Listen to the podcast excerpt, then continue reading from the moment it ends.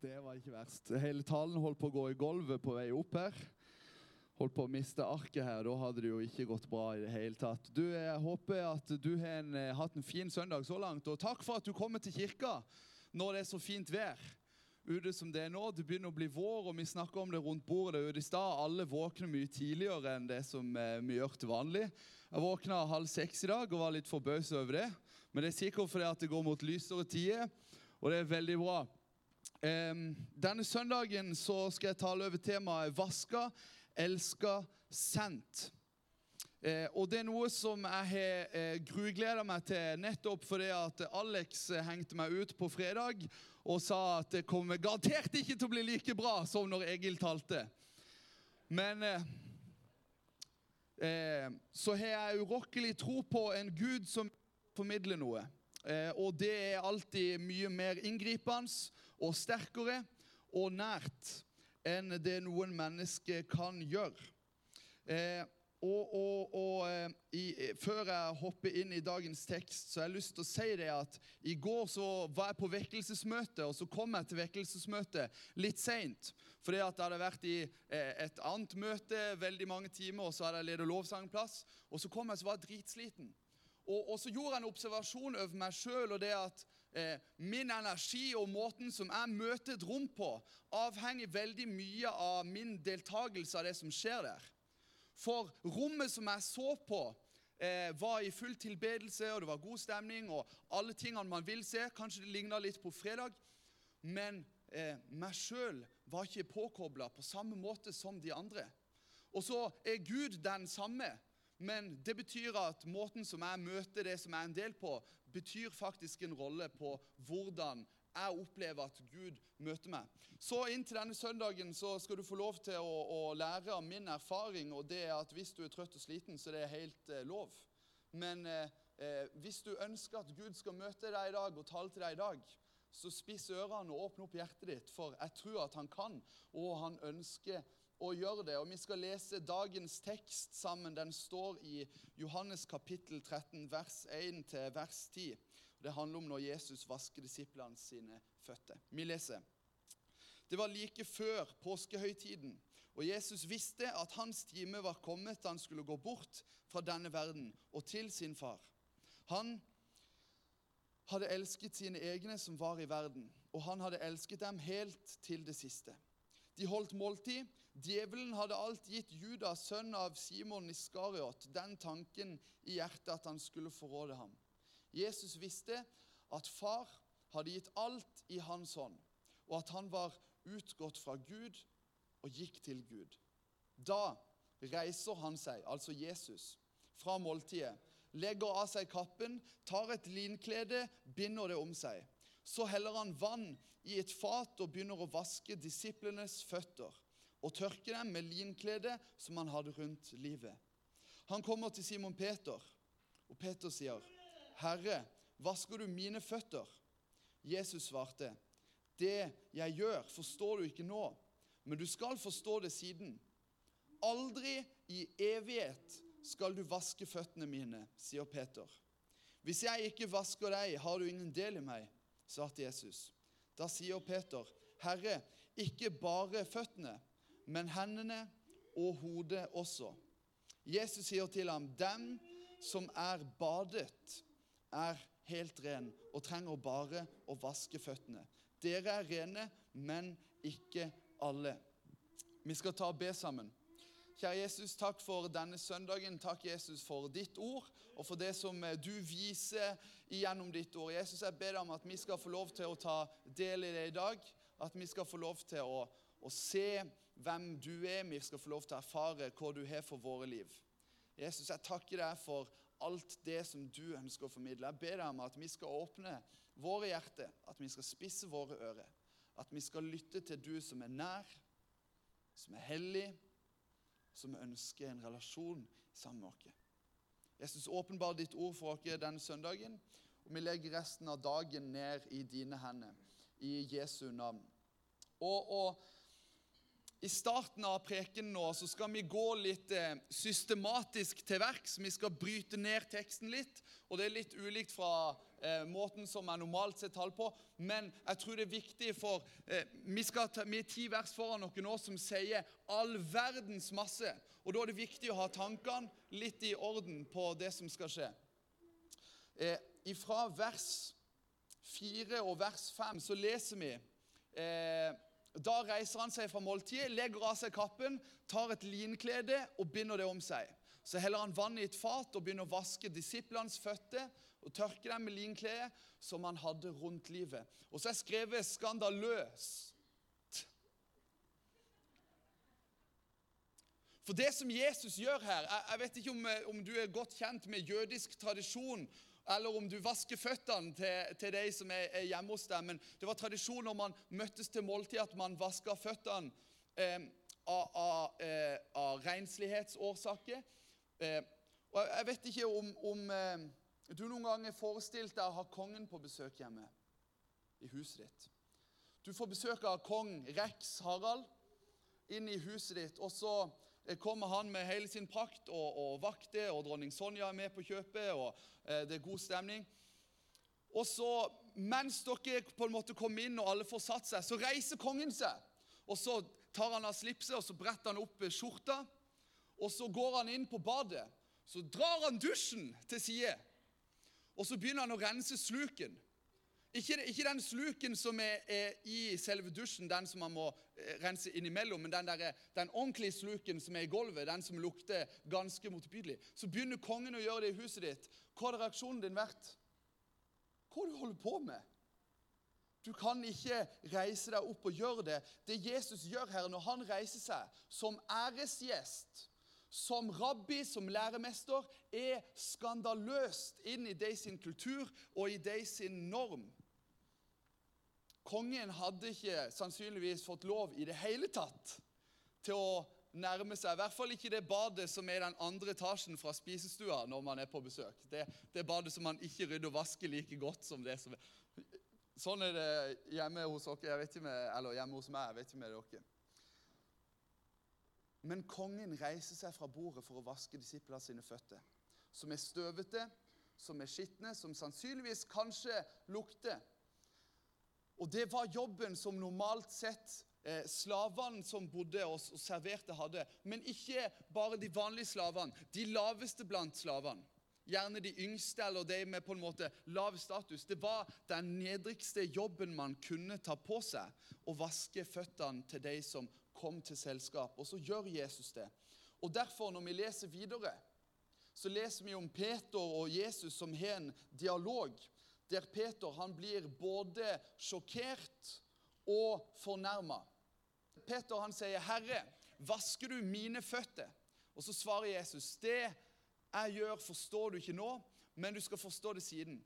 Og så er på en måte Peters reaksjon, 'Aldri i evighet' Det er ikke snakk om at du skal vaske mine føtter. Og, og egentlig så er spørsmålet og, og, Nå tenker jeg ting inn i teksten, så dette er ikke nødvendigvis Bibelen som sier. Men jeg ser for meg Peter sitter med følelsen Er jeg så ille? Står det så ille til med meg at du, Jesus, må vaske føttene mine? Hvis det er ikke er noen slave som kan gjøre denne nedre jobben, ja, kan vi ikke bare la være å gjøre det? Er jeg så skitten? Er jeg så tilskitna? Er det så ille med meg at til og med du, Jesus, må gjøre det? sant? Og, og, i huset ditt, er det så ille? Lukter det så ille? Var det så galt at kongen måtte brette opp armene og ta av slipset for å få vaska den dusjen eller støvsugd det gulvet? Sto det så ille til? Og så svarer Jesus ja. Peter, det står så ille til med deg. Og det er bare jeg som kan gjøre det.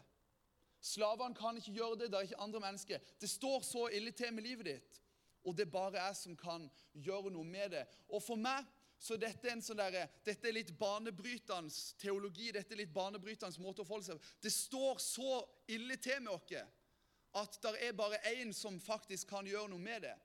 For eh, det å vaske føttene, sant, som vi snakker om her, det er jo, et, det er jo, det er jo metafor, det er jo veldig billedlig. Sant? Det å bøye seg ned. Eh, mesteren, kongen, han blir det laveste, sant?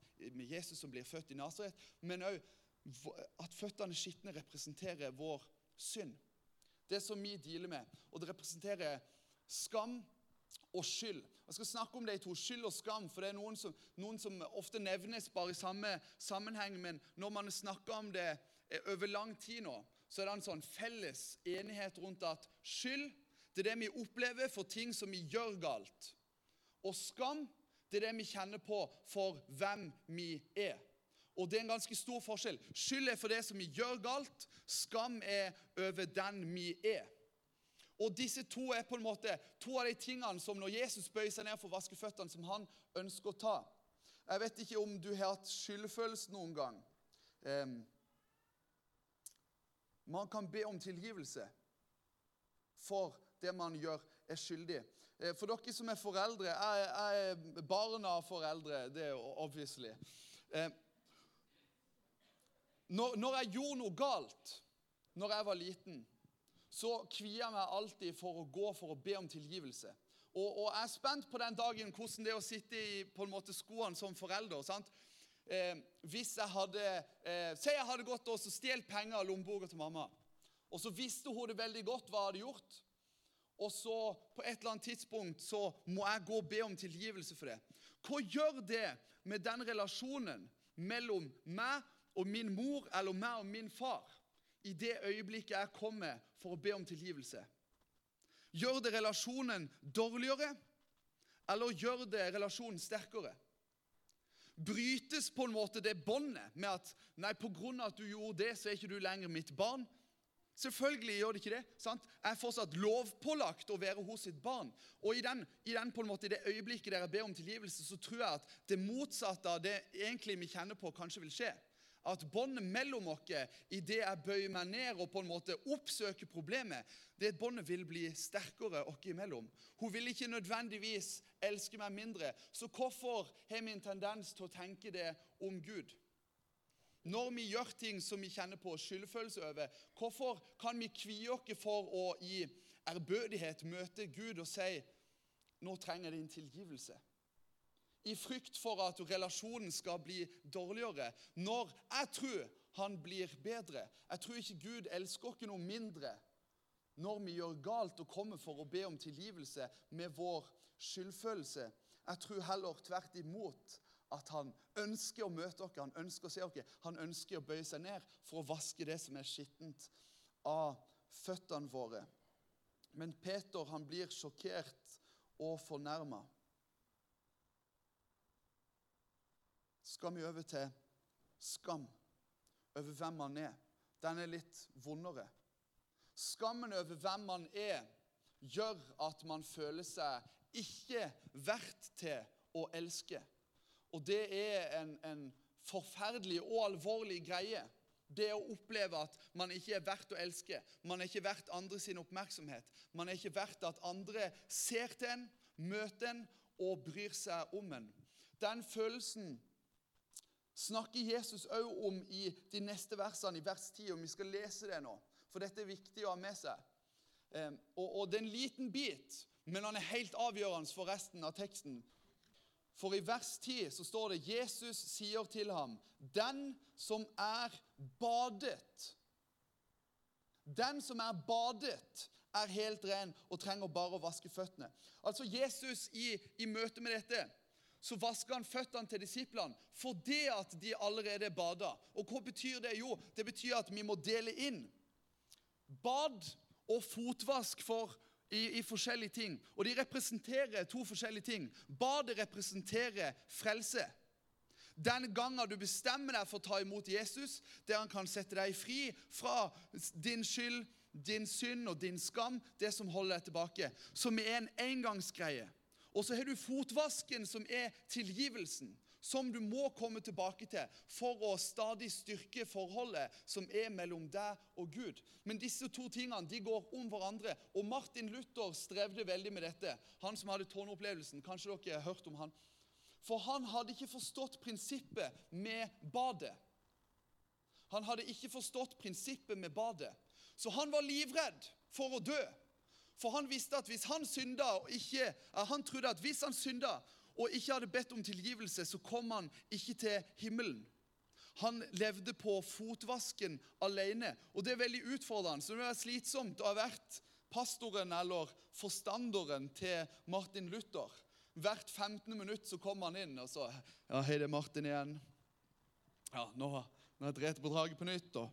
Ja, jeg skjønner det, Martin. Snakkes om 15 minutter. Det må være slitsomt å leve på den måten. og Derfor så tror jeg at Jesus poengterer det i tillegg til fotvasken når han bruker dette bildet. Den som er bada. Der er noe med den helhetlige avgjørelsen. Jeg har bestemt meg for å følge Jesus, som han også skal holde hardt på. Men han gjør det i kombinasjon med at vi skal fortsette å be om tilgivelse. Men hvorfor gjør Jesus dette? Hvorfor gjør det? Jo, fordi at vi er elska. Overskriften for i dag det er 'vaska, elska og sendt'. Og Egentlig så skulle det vært i rekkefølgen 'elska, vaska, sendt'. Men det er viktig å ha denne teksten som utgangspunktet. Vaska, elska, sendt. Jesus elsker oss, og, og, vi elsker fordi han elsker oss. Først i 1. Johannesbrev 4,19 står det. Og Vi skal lese kanskje noen av de mest kjente versene som står i Bibelen. Vi skal til Johannes 3, 16 eh, og 17. For så høyt har Gud elska verden, at han ga sin sønn den enbårne, for at hver den som tror på han, ikke skal gå fortapt, men ha evig liv. Gud sendte ikke sin sønn til verden for å dømme verden, men for at verden skulle bli frelst ved ham. Og jeg vet ikke, Sist du på en måte satte deg ned og, og lot de versene synke inn over betydninga Betydninga at Jesus elsker deg. Hva gjør det med livet ditt at Jesus elsker deg, at han har gitt sitt liv, at han har valgt å dø, at han bøyer seg ned for å vaske føttene dine? For hvis du ikke skjønte det enda, så er det at Jesus vasker føttene til disiplene, er det kanskje et av de vakreste bildene på at han skal gi sitt liv. Det er samme greia. Det at han vasker føttene, at han tilgir de skyld, at han sier 'dere er bada', det på en måte fullføres i det verket når han henger på korset og dør og står opp igjen. Og vers 17 Når jeg leste dette, så, og, og så hadde jeg egentlig bare tenkt om det første. Men så leste jeg vers 17, og så kom jeg til å tenke på Det er jo egentlig bekreftelsen på Guds intensjon.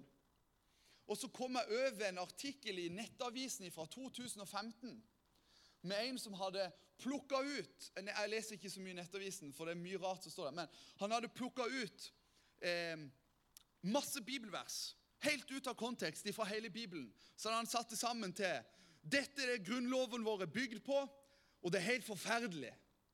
Det er helt grusomt. Det er det verste. Tenk at, at dette er utgangspunktet vårt. Og så er han plukka her, og så er han plukka der.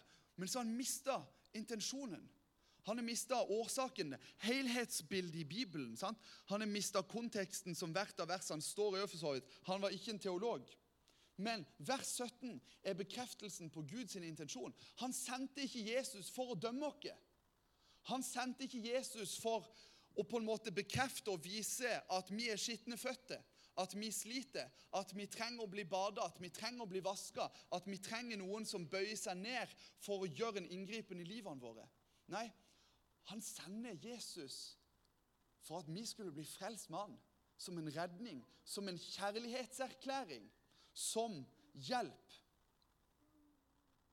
Og så er det når Jesus underviser noe som vi leser lengre nede i kapittel 13. Vi er fortsatt i samme passasje eller i samme undervisning rett før eller under nattverden.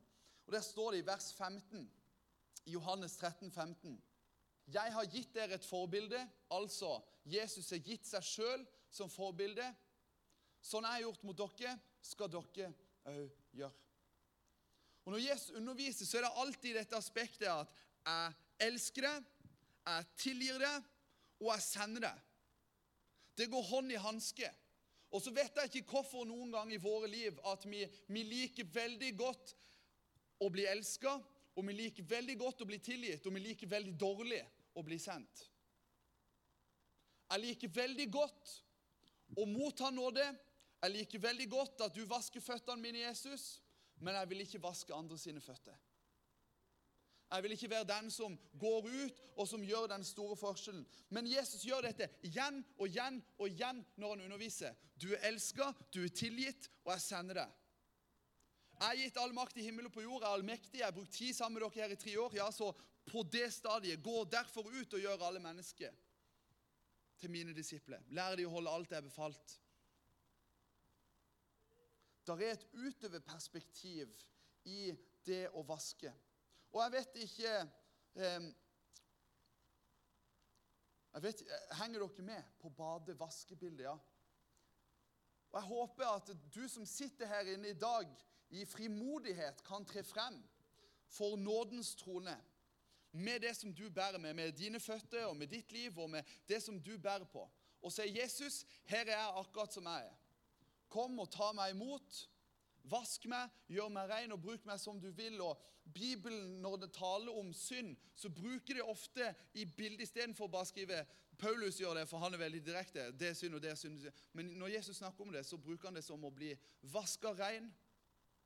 Eller at man må gjøre opp for det man har gjort urett eller galt. At man, man har en slags skyld, man har en bot å betale. Jeg vet ikke om, om, om eh, du har gjort dette noen gang. Jeg har fortsatt til gode å gjøre det. Men hvis jeg hadde gitt ordentlig juling, sånn ordentlig bank, til en av kompisene mine Sånn ordentlig, ordentlig bank. Sånn at han havner på sykehuset bank. Og neste dag bare besøkte han på sykehuset som om ingenting hadde skjedd. Hvordan hadde han reagert? Jeg hadde gjort han urett. Det er på en måte I, i vår menneskelige natur så ligger det indoktrinert sånn Vi forstår at jeg har gjort urett, og jeg har på en måte en skyld å betale. Jeg har noe å gjøre opp for. Det er den måten som Bibelen beskriver synd. Vi har noe å gjøre opp for. Vi har gjort noe galt som vi må gjøre opp for. Men så sier Jesus i dette bildet at det er bare jeg som kan gjøre det. Det er ikke slave her for å vaske føttene. Det er ikke andre mennesker her som er for å vaske føttene, for jeg er Han. Du trenger at det er jeg som gjør det. Du trenger min tilgivelse. Du trenger min kjærlighet. Og så føler jeg meg noen ganger som Peter. Ikke bare litt overivrig og på en måte hoppe ut i vannet, og så begynner du å synke, og så trenger du hjelp. og eh, Sier imot Jesus eller eh, gjør alle disse gale tingene. Men jeg kan kjenne meg igjen i Peter i Er jeg så ille? For jeg tror i vår kultur i dag, og ikke bare i Norge, men i, i vestlig kultur, så er den tingen som hindrer oss ifra Guds kjærlighet aller mest, mer enn noe annet, det er vår stolthet. Ok, Står det faktisk så ille til med meg? Vår stolthet overfor andre mennesker som vi møter, men også spesielt overfor Gud. Og eh, Jeg kom over et spørsmål for en stund siden som har vært eh, særdeles radikalt i livet mitt. Og, og, og, Spørsmålet ble skrevet i en bok som heter War of Loves. Eh, og Forfatteren av den boka eh, har vært en LHBTQ pluss-aktivist. Han har sjøl vært homofil eh, og er fra Australia. Og Så møter han Jesus, og så blir livet hans sitt radikalt omvendt. Og Så bestemmer han seg for å leve i sølibat, og nå jobber han som evangelist og reiser verden rundt for å fortelle om Jesus. Han gikk fra å kaste stein gjennom kirkevinduet og på kristne til å følge Jesus. Og så skriver han et spørsmål som for meg har vært sånn Jeg skjønner ikke at det går an å tenke på denne måten. Og spørsmålet er som følger prøver ubevisst å erstatte Jesu kjærlighet. Uten å vite om det eller uten å tenke hva jeg egentlig gjør med handlingen. Prøver ubevisst å erstatte Jesu kjærlighet?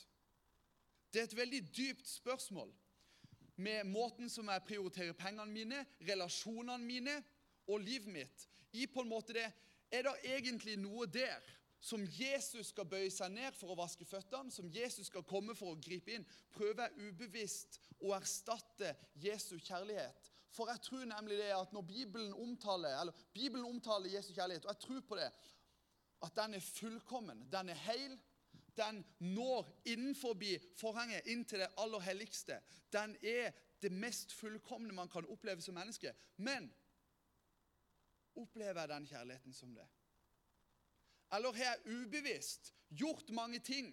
Fylt den med en relasjon eller med en avhengighet eller med en annen distraksjon som gjør at den kjærligheten som Jesus egentlig hadde å gi, den fullkommenheten, den friheten, den får ikke rom.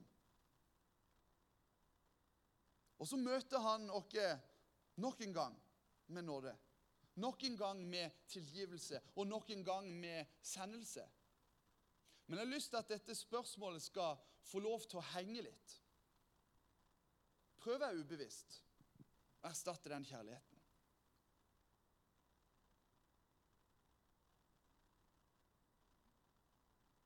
Med en sydenferie. Med en hytte. Med utroskap. Sløse penger, gamble. Med å se på favorittserien min for tiende gang på tre år. Er det noe? Sier Jesus Hvis jeg ikke vasker deg, så har du ingen del i meg, til Peter. Det er vendepunktet for Peter. Hvis du ikke vasker meg, så, så har du ingen del i meg. Det Jesus sier, og det som står på gresk, Hvis ikke jeg vasker deg, så har du ingen arv. Du får ikke ta noe som helst del. Du er helt fraskilt fra meg, med mindre det er som gjør det.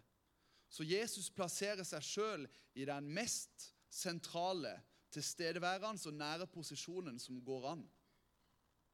Hvis ikke det er meg, nei, da går det ikke.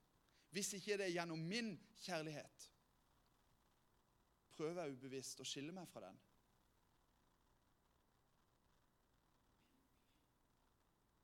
Jeg tror at Jesus eh, i dag ønsker å møte dere.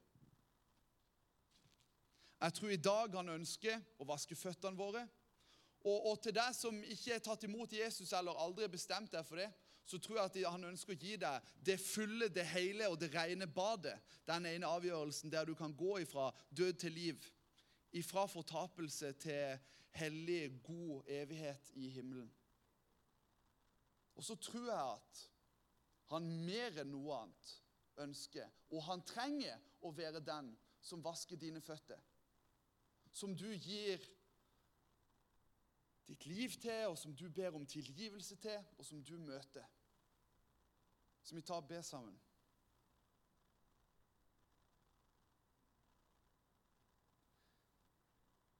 Kjære Jesus, takk for det at eh, Gjennom deg så er jeg vaska rein. Og ikke bare sånn rein som en vårrengjøring, men en total forvandling. En fornyelse. Jesus, takk for det at du ønsker å være nær. Takk for det at du elsker meg, og takk for at du sender meg. At jeg kan gå på din kraft. Jesus, jeg ber deg om at for denne søndagen så skal vi få lov til å komme sammen for å be om tilgivelse. For at vår relasjon med deg skal bli enda nærere. For at vi skal komme tettere på hvem du er. Komme tettere på den kjærligheten som du har for våre liv. Jesus, jeg ber om at du skal hjelpe meg og hjelpe oss når vi ubevisst og i uvitenhet tar valg som fører oss vekk fra din kjærlighet, eller som skal erstatte den. Jeg synes jeg ber deg om at vi skal få lov til å erfare din hellighet og din godhet så tett på at, der, at vi skjønner at det ikke er noe annet som kan gi oss den tilfredsstillelsen. Noe annet som kan fylle den lengselen. Jeg legger resten av denne søndagen i dine hender. Må du velsigne den. Jesu navn.